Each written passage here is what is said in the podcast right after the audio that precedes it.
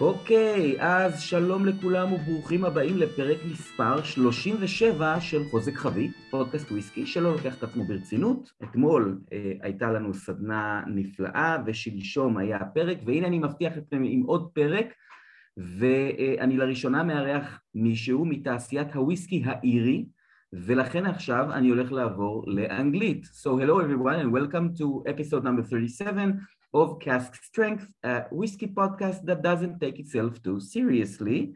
And today we have a guest for the first time from the Irish uh, whiskey industry. I would like to welcome Mr. Chris Haynes. Hi, Chris. How are you? Hi, Omef. Good afternoon. Thank you very much for having me. Uh, thank you for uh, making the time. I would like to start by thanking you on behalf of myself and the listeners. And uh, I, I strongly believe that before we start talking about the, um, the liquid and the distillery, people should know, or at least would like to know a bit about the speakers. So if you would like to share with us a bit about your career in the whiskey industry or uh, in the um, whatever you did before you started uh, working in Teeling, most of the times these are very interesting uh, stories.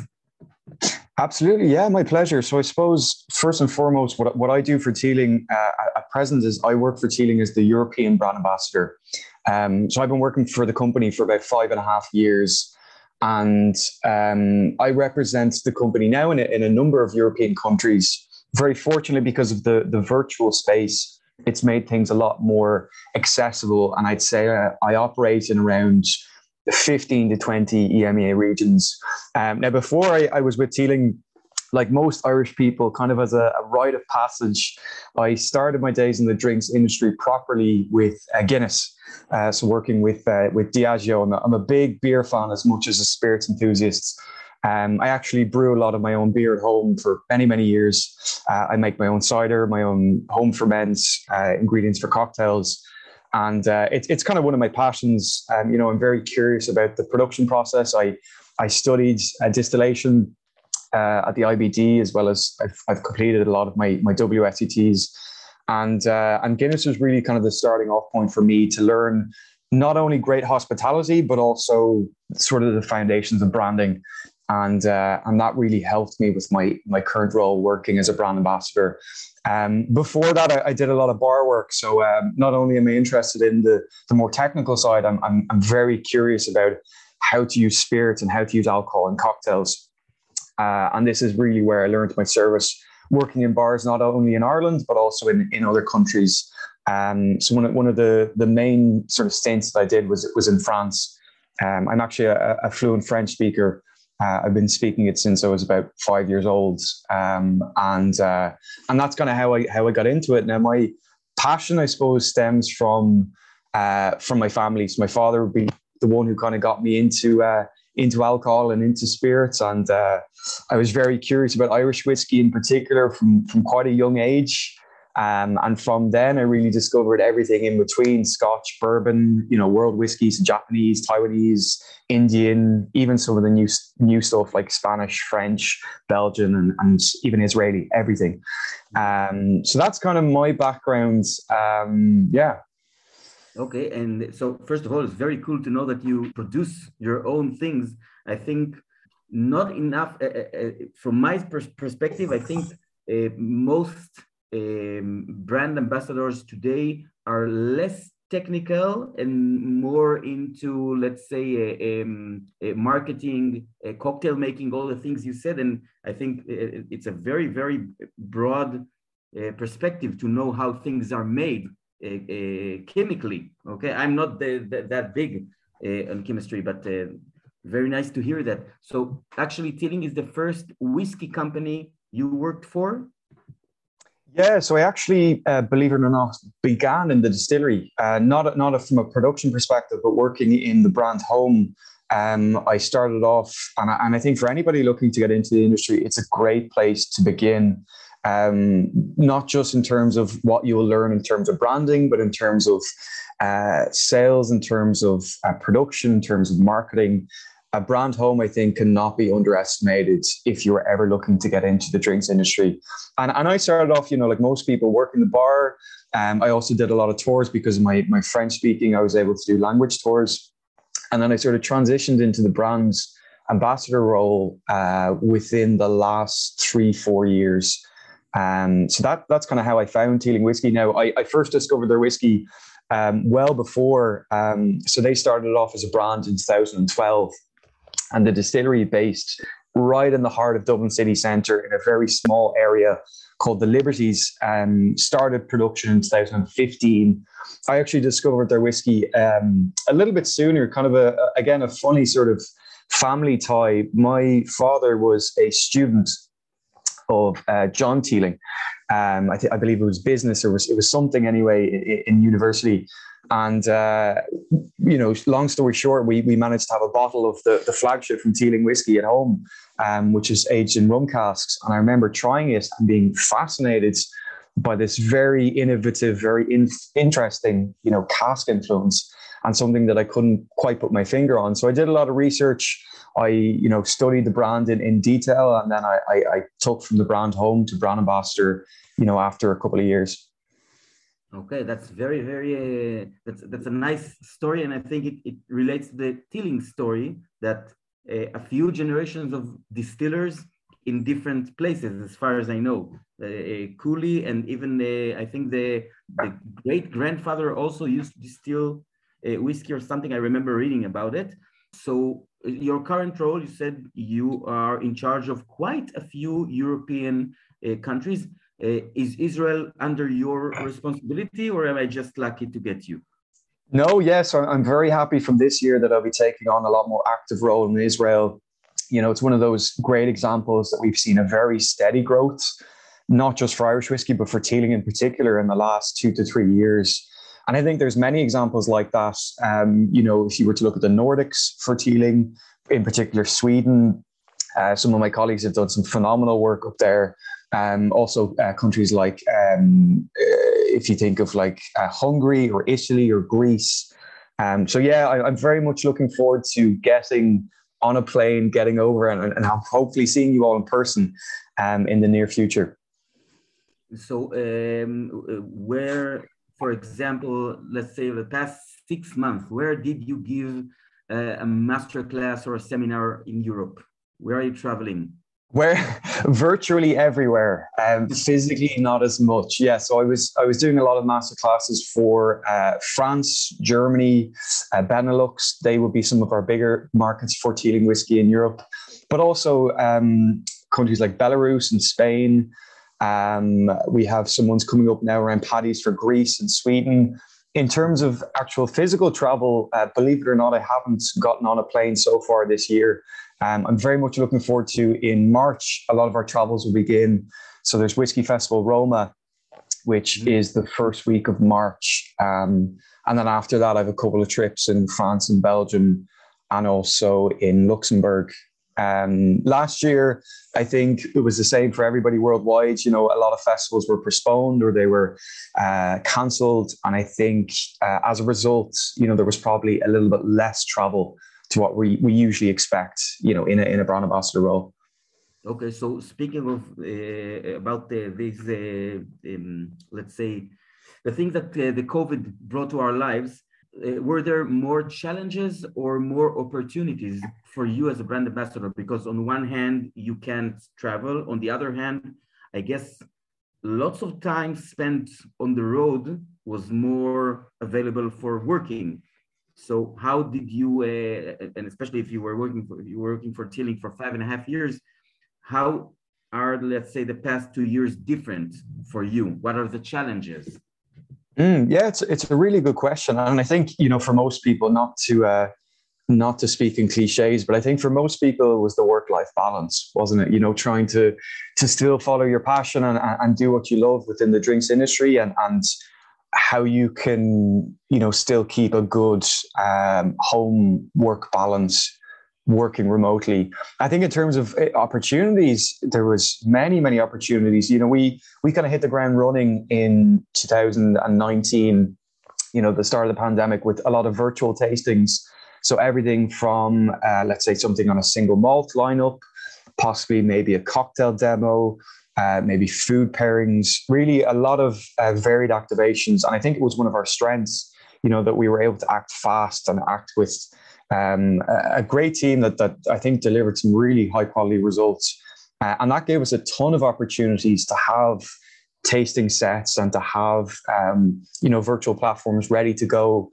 Uh, and it also meant you know with simple things like sales meetings or, or QBRs, you wouldn't necessarily have to get on a plane and travel, let's say, for example, to Israel just to have a meeting. It's something that you could do, you know, like what we're doing now on, on Zoom um, within an hour, two hours. So I think it, it, it made it a lot more beneficial and a lot more easy to manage your time.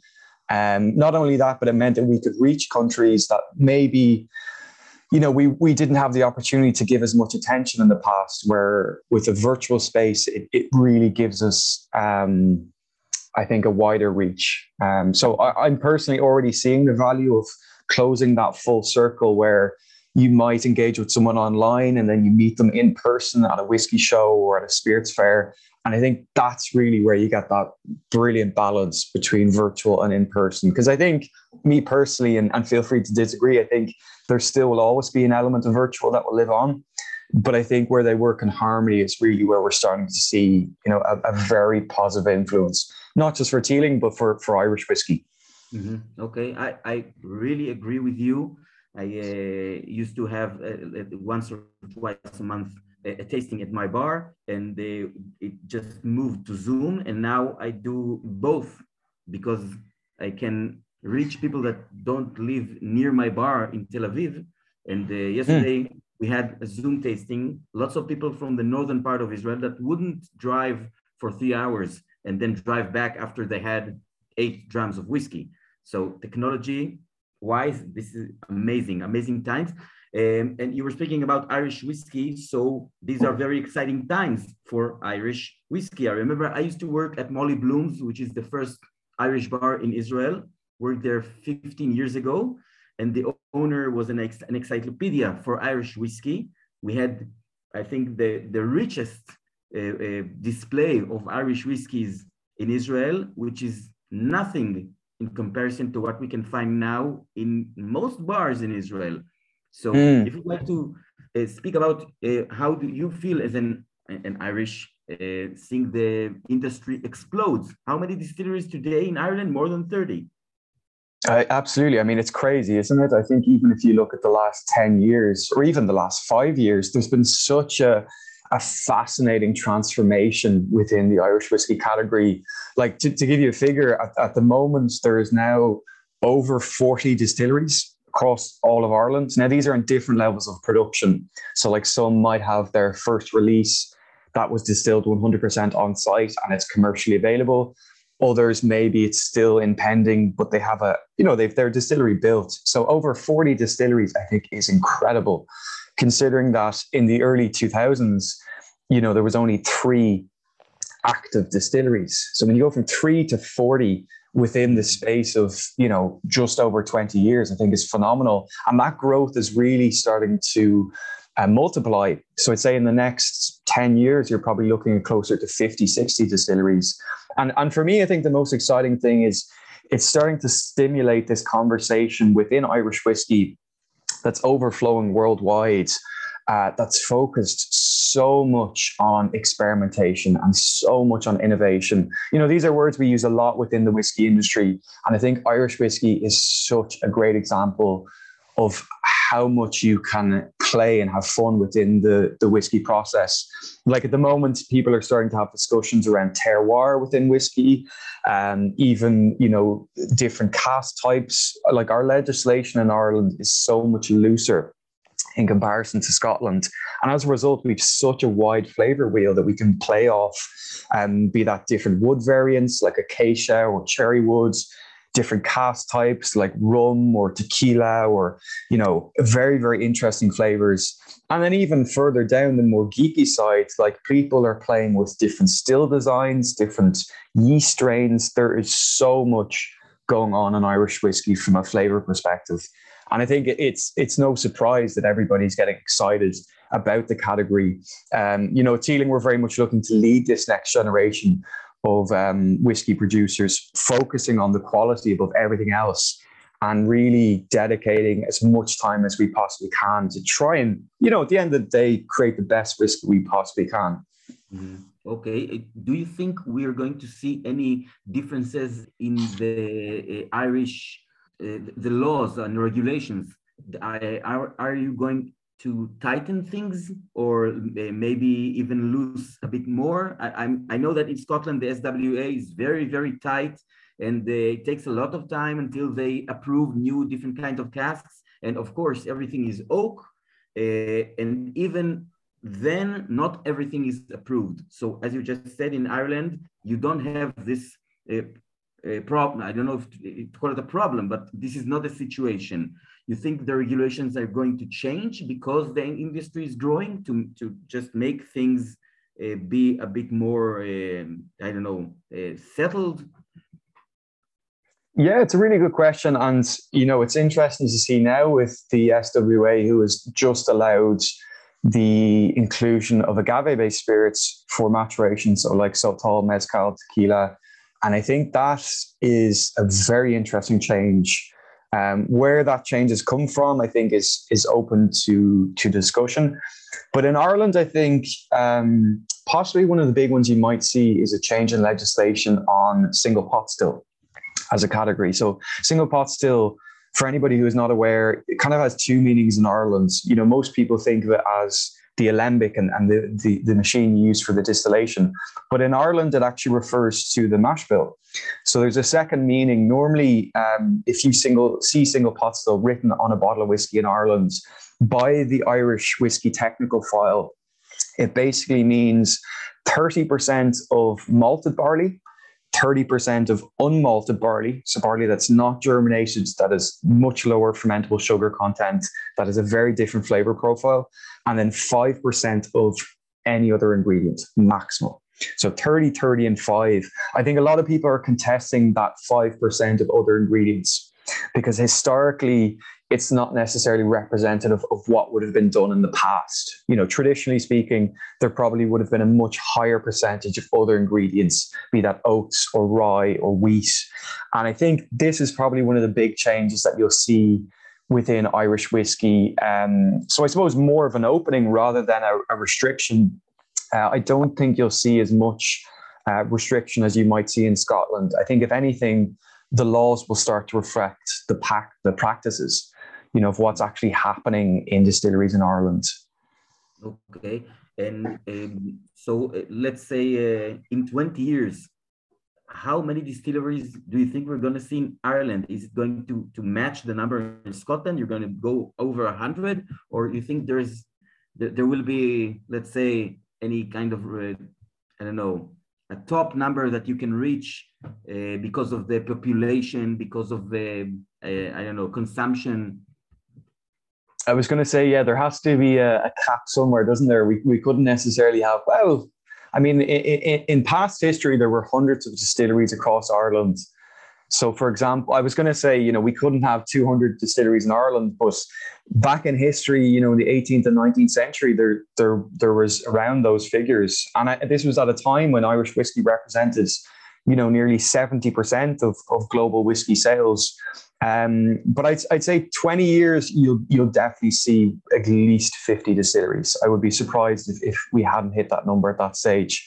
And I think in terms of brands, there will be so much offerings that people can can get. Um, yeah, it'll be a very interesting time to see what Irish whiskey will be like in, in 20 years. Who, who knows? Okay, so I think we uh, talked uh, enough about the, the, the uh, industry. And we should start talking about the brand that you represent. Uh, and my first question is, uh, I read about uh, Teeling um, and there are like a few generations of distillers and there is the connection to Cooley Distillery, the historical connection. Mm. Um, so how do you think this um, tradition or, or, legacy of the family uh, is represented in Teeling Distillery, which is quite new, as you uh, told us yourself. How can we see the legacy in the young distillery? Yeah, I mean, I, I, think first and foremost, you, you, it's it's not necessarily the legacy, but you, you definitely see the family elements the minute you come into the distillery. So, for example, if you were to come onto our distiller's floor, you would see our three copper pot stills at the end of kind of towards the towards the exit. All three of our stills are named after Jack Teeling's daughters. So you've got Alison, Natalie, and Rebecca. Um, and then aside from that, the some of the limited stock that we have maturing on site in Dublin is actually named by the other founder, uh, Stephen Teeling. So you've got Jack and Stephen who set up the company in 2012. And uh, some of the whiskey we have maturing on site is also named after the family. So you really get the sense when you come into the building, you know, in terms of the size, obviously as a, a smaller producer, but also I think there is that sort of family feel. And I think in terms of the legacy, you know, we've had a very clear vision from day one in terms of what products we were going to produce. Uh, for example, two of the main styles that we decided to make and have released since have been single pot still, which I think has a, a, really strong legacy, not only in terms of the Teeling heritage, but also in terms of Dublin whiskey. You know, single pot still was this category that was incredibly important for Dublin, particularly in the 18th and 19th century, as, as you know, one of the most prominent styles in the world.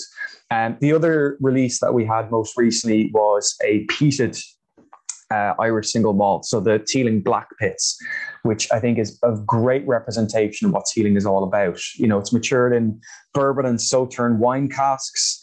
It's uh, a low ppm, so at 15 ppm, 46% ABV. It's an incredible incredibly accessible, accessible whiskey. Um, and those were the two kind of first releases from our distillery.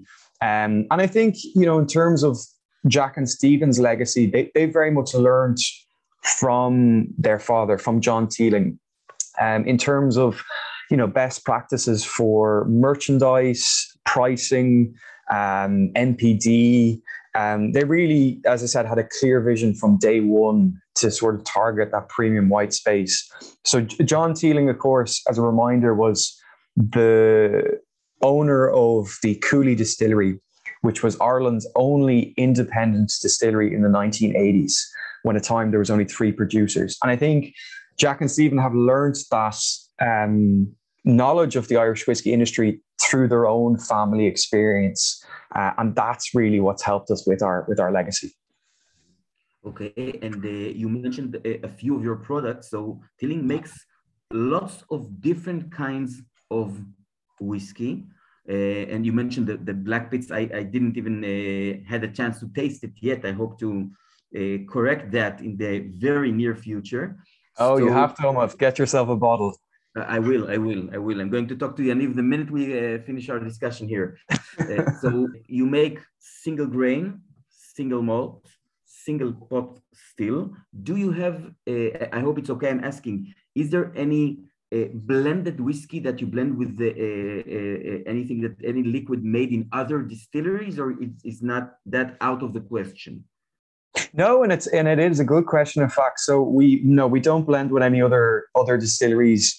Um, the only, I suppose, link between our current stock and, and another one is when the Cooley distillery was sold in 2011, 2012, Jack and Stephen decided to invest in uh, a significant proportion of that family stock to set up in Dublin. So, for example, you know, as part of our portfolio at Teeling, we have whiskey that stems upwards as far as 37 years old, and then also whiskey that's, you know, legally three or four in order to be classified as Irish whiskey.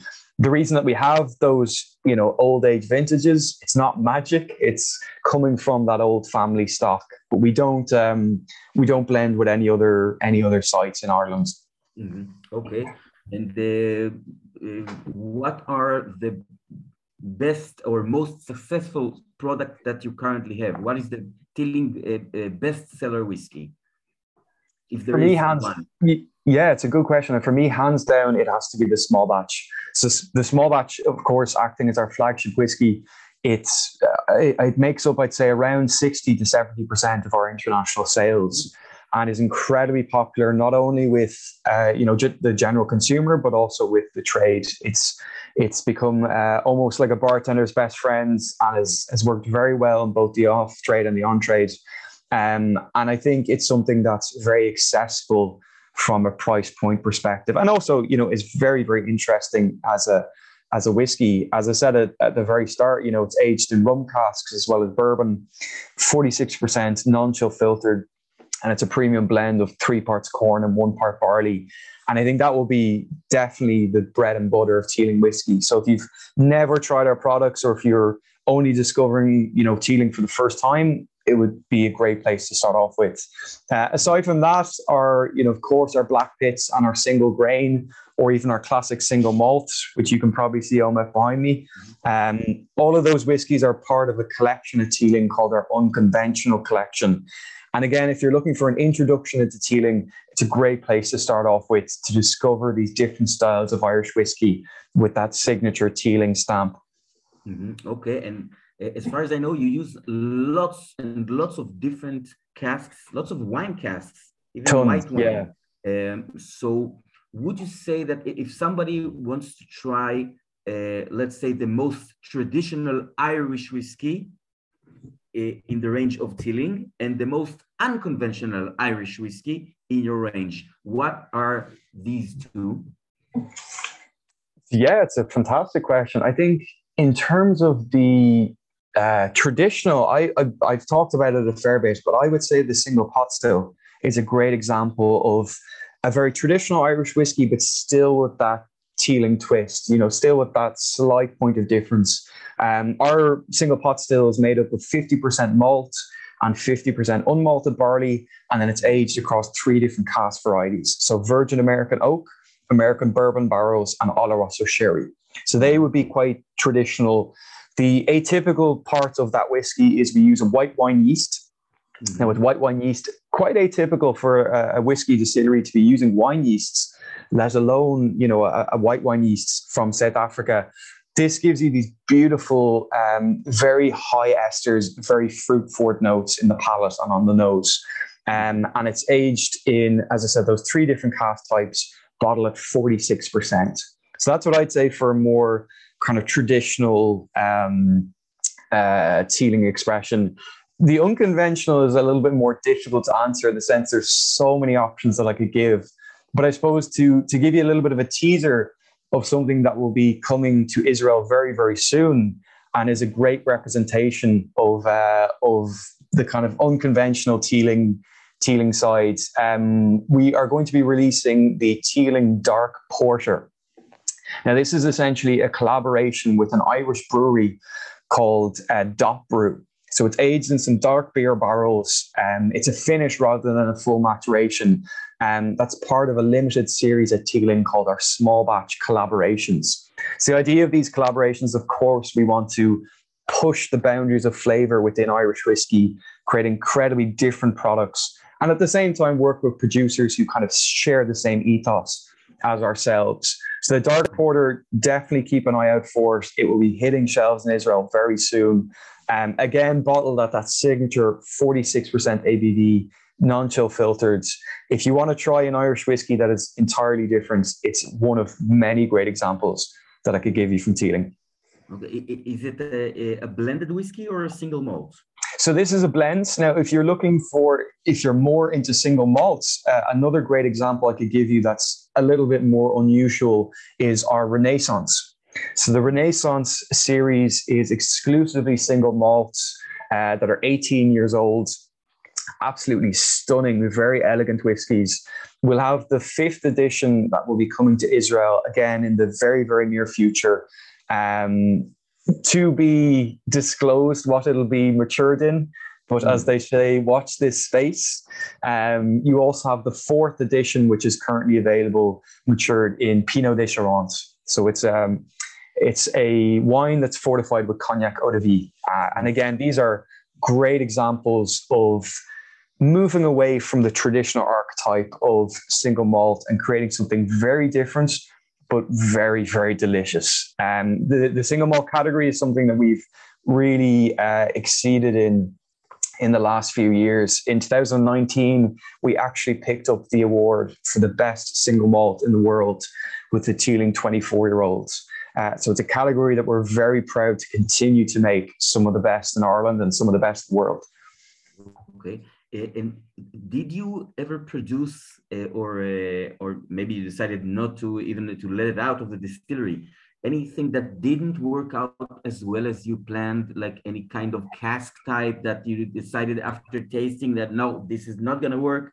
Uh, we'll keep it uh, here and nobody will ever find out it's funny actually. This is a question that i get asked a lot and i think for certain people they they sort of see whiskey almost as this uh, perfect product, you know, something that works every single time. And I think we kind of forget there's a lot of trial and error. You know, there's a lot of times where something doesn't work initially, or maybe doesn't work at all, and you kind of need to go back to the drawing board and and and fix or to amend that recipe. Uh, and I think it goes to show, you know, if we look at products, not even in Irish whiskey, but in global whiskey, I think it gives you great appreciation if you see a product even three years old up as far as you know 40 50 60 years old the amount of time and the amount of passion and craft that that takes just for even three years is a long time to work on a single project. Um, one example that jumps to mind and this is actually something that we did release in the end was we matured some of our whiskey in some Finnish rye gin barrels so again, a great example of the innovation of Teeling. You know, in our warehouses, we've over 120 different expressions stemming from, you know, the traditional all the way up as far as the the other end of the spectrum. And when we first put this whiskey in casks, it was very um, how do I put this? It was just off. It, it was very um, very bitter very dry, very stringent. It was one dimensional, overpowering. It just, it, it wasn't good. Um, and this was in the very early stages, and we had to let it mature a little bit longer in those barrows. At the very end, what we decided to do is we decided to transfer the spirit over into some fourth fill American bourbon barrels to sort of soften off the spirit to round it off. And the difference in the final product was night and day. You know, it started off something that I probably would not have drank, let alone paid anything for, to something that was mind blowing. So I think it's a great example of, you know, it doesn't come out of the stills goes into a barrel and is a perfect product. There's a lot of trial and error.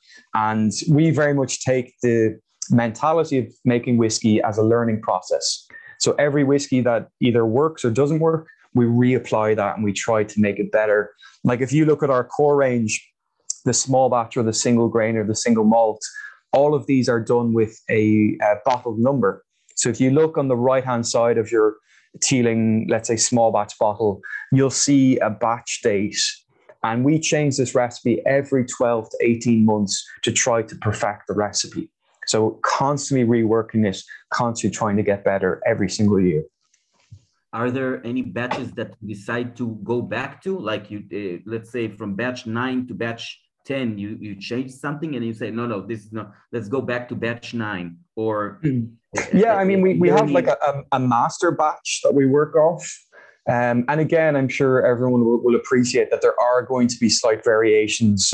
You're never going to get 100% consistency um, particularly you know working on a small batch um, uh, production where we're using about 55 to 75 casks, we'll definitely get those variations in flavor. But yeah, sometimes there is looking back at old recipes and going, what if we use, you know, this high ester rum instead of, you know, X, Y, or Z, and and maybe that will give us this certain flavor profile.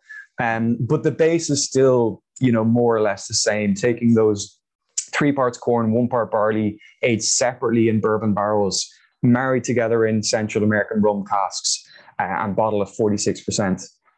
Mm-hmm. Okay. If you can share with us, you said like a batch is between 65 to 75 uh, casks. How how big is Teeling Distillery? I mean, how how much uh, liquid you produce? Uh, you have your own column stills also, right? You, you produce the malt and the grain.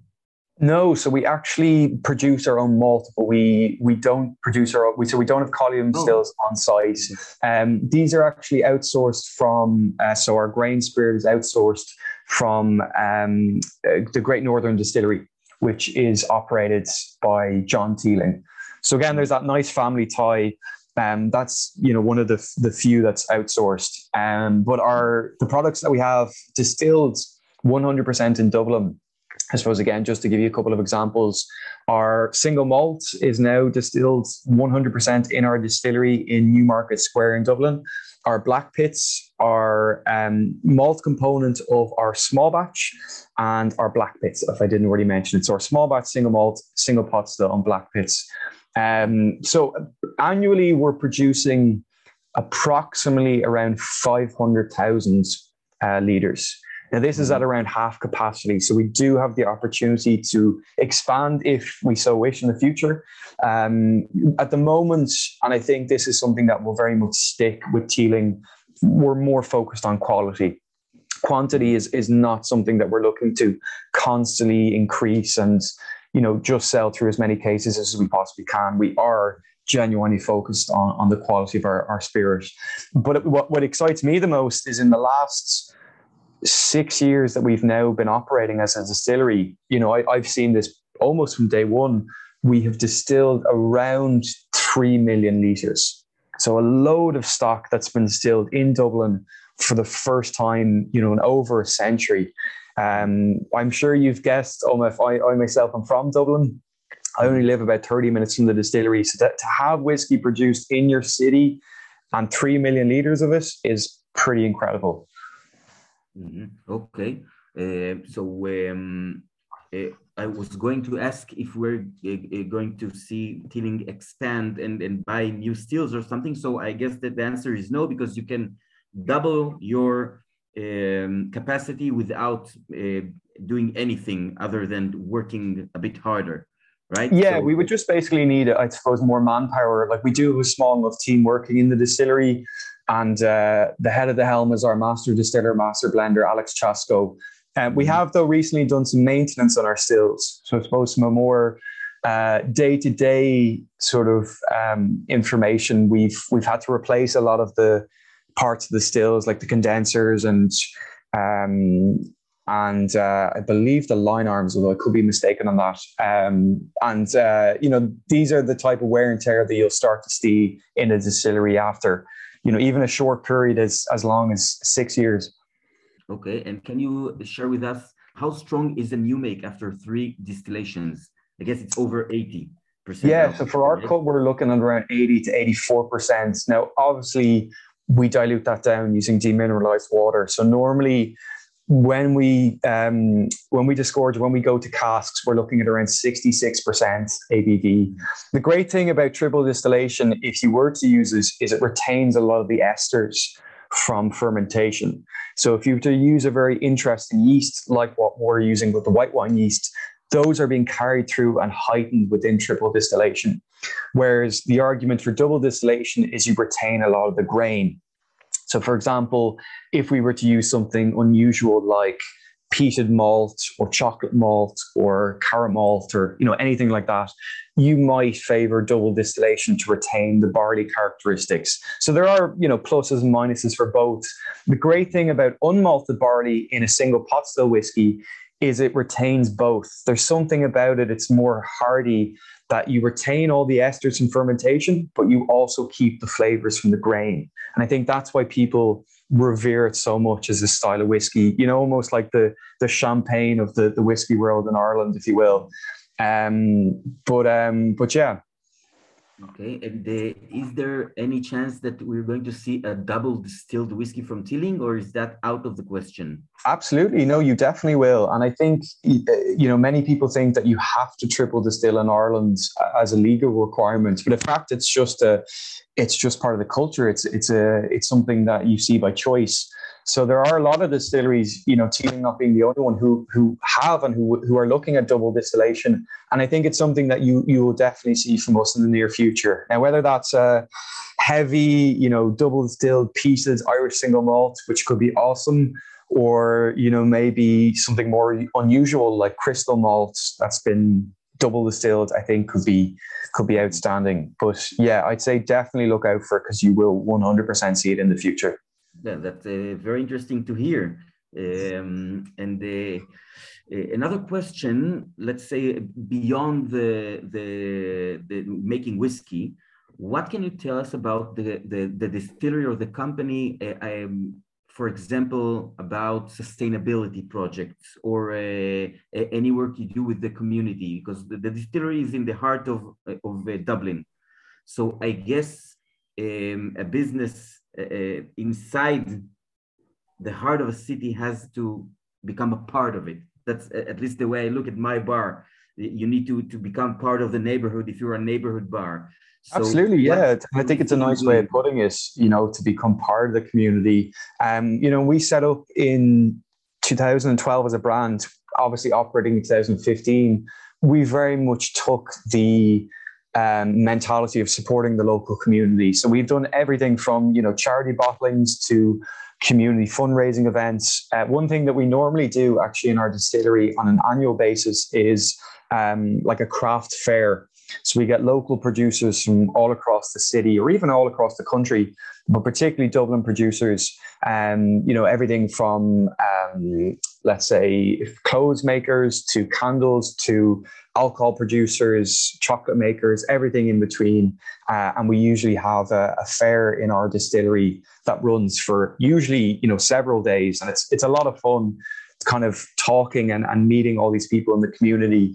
Um, and then aside from that, you know, we've tried to do a lot of community outreach, uh, again, with charity events. So, for example, what we're doing right now is um, a good proportion of the team Teeling are attempting to run 100 miles uh, for a charity for the Mater Hospital, which is a, a well-known hospital in Dublin, and, and all the proceeds are going towards you know very important medical care for uh, a local Dublin hospital. So that's something we're doing right now. Now, whether whether everyone succeeds in running the 100 miles or not is another question. We'll do our best.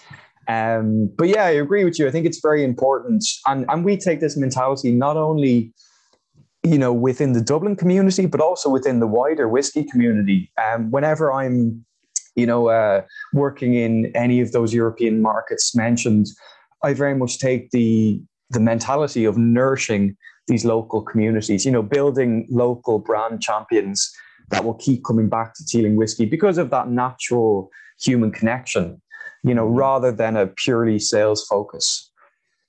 A question specifically for you. Uh, would you like to uh, share with us, let's say, the, the three, your three favorite Teeling whiskies, even if oh. they are very, very rare and special? So, what are your favorites? Three favorite. That's such a difficult question. I, I'm going to go just gut reaction. What what comes to mind? Definitely one of my all time favorites has to be the Teeling 24 year olds. Not just because it you know it picked up a, an award or whatever, but just in terms of its makeup, it has a small percentage of peat. and it's 20 years in bourbon and then four years in Sauterne wine casks bottle of 46%. So you can probably see it's quite similar to the Blackpitts recipe. And uh, it's a good example of how we uh, reapply recipes to improve them. But this definitely has to be up there with some of my favorite Teeling whiskies. Um, aside from that, one of my um, personal favorites is the Brabazon series. So the Brabazon was a, a, single malt collection. It's actually finished now. It's no longer in production. And uh, there was four single malts that were part of this series. My personal favorite was actually volume two. I know a lot of people tend to like maybe three or four, but me personally, um, I, I absolutely adored the second edition. It was aged in uh, six port pipes on three different styles. So tawny port, ruby port, and white port, and bottled at 49.5%. An absolutely stunning whiskey. Um, and great kind of all year round, um, like very accessible again in terms of price points. So that would probably be my number 2 mm-hmm. My number three, I would very much struggle, but I still would say it's gut reaction. One of my personal favorites is it was a collaboration we did with a rum producer um, many, many years ago called Three Rivers Rum. They're an agricole rum producer in Martinique. I actually did the, the press release in Paris. Um, it was it was one of the first that I was involved with with our master distiller, master blender, and seeing the influence of agricole rum on Irish whiskey is incredible. Um, not only that, but Three Rivers they produced their own rum aged in our whiskey barrels. So we had a nice sort of collaboration. We released the two products at the same time, and there were oh, some nice, nice, sort of on trade events. Yeah, and it was we we had a great takeover in a good cocktail bar in Paris called No Entry, um, with my colleague and global brand ambassador Robert Caldwell, and uh, that was a lot of fun. You know that whole event, but I'd say was still up there my, you know, top three Teeling drams I promised you I won't take a lot of your time. So we are also already in 50 minutes. So I just would like to, to uh, ask one final question. What is your favorite non-Irish whiskey? Or maybe even a distillery. If you if you have to favorite non-Irish, oh, that's always easier. To, I thought you were going to ask me what's my favorite uh, favorite non-teeling, which is always always a funny one. Do you know? do you know who was who's one of my favorite all times? And I've drank for many. Talisker. Um, mm you know, I'm, I'm a big peated whiskey drinker, and it's always been up there as one of my favorite brands outside of Ireland. Um, my girlfriend actually recently got me a present um, from the Whiskey Exchange, one of their small kind of sample kits. So it has mm. like the Port Ruighe, the 18, 25, the 41.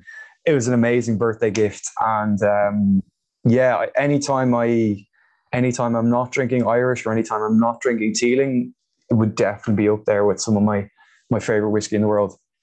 Okay, so uh, uh, any final thoughts or maybe a tip uh, for our uh, listeners? Some of them are uh, beginners in the whiskey world. Something you would like to suggest, uh, maybe about how to consume whiskey, how to, to, to, try a new whiskey, anything that like things that you your drinking secrets Absolutely, yeah, I've ton to give. Uh, but the main thing I would say is let's not forget that that taste is subjective.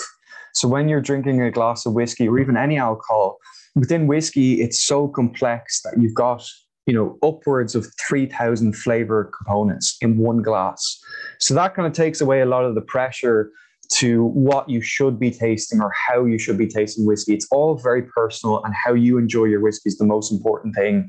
What I would also say is you know, if you're looking to discover whiskey, always look at different countries and different categories, different styles.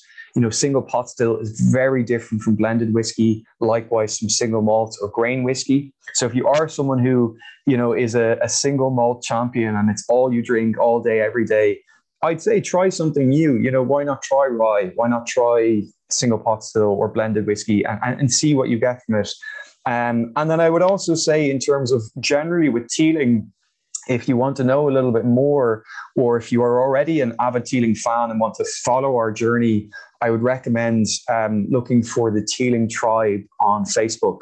It's a it's a global community that's available now to hundreds of people, and they get an opportunity to talk all about our products and learn a bit more. So, if you want to join our growing community, the Teeling Tribe is a great place to to source us out online um, and I definitely say, in terms of new releases like the ones I mentioned, the Dark Porter, definitely one to look out for, as well as the Renaissance. We will also, for any of you big whiskey geeks like myself, if you're looking for a, a high end vintage reserve, we will also be releasing our Teeling 30 year old single malt. So definitely look out for that um, if you get a chance. So I would like to thank you, Chris, for uh, making the time uh, for me and for the listeners. Uh, we would be very happy to meet you in our, one of our tastings when you come to Israel and uh, for you to give us a masterclass, maybe in my bar or uh, somewhere else.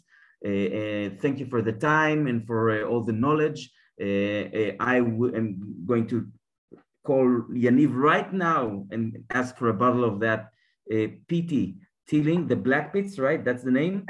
yes Yes, yes. So this is coming right at me uh, uh, Sunday morning. Uh, and uh, thank you so much, and uh, hope to see you in Israel uh, very soon. No, absolutely. It was my my pleasure, and I will more than happily join you for a dram in Israel very soon. Thank you very much for having me, and I hope to see you soon. Okay, thank you so much. And you forgive me, I'll move back to Hebrew for just a, a few seconds. תודה רבה לקריס היינס מטילינג, שגריר טילינג באירופה, אני מקווה מאוד שאנחנו נצליח לארח אותו גם לטעימה אה, אה, באיזושהי צורה, אם זה בזום, אם זה פרונטלי, ב-CSFC, ושיהיה לכם המשך שבוע בלתי רגיל. תודה רבה, ביי!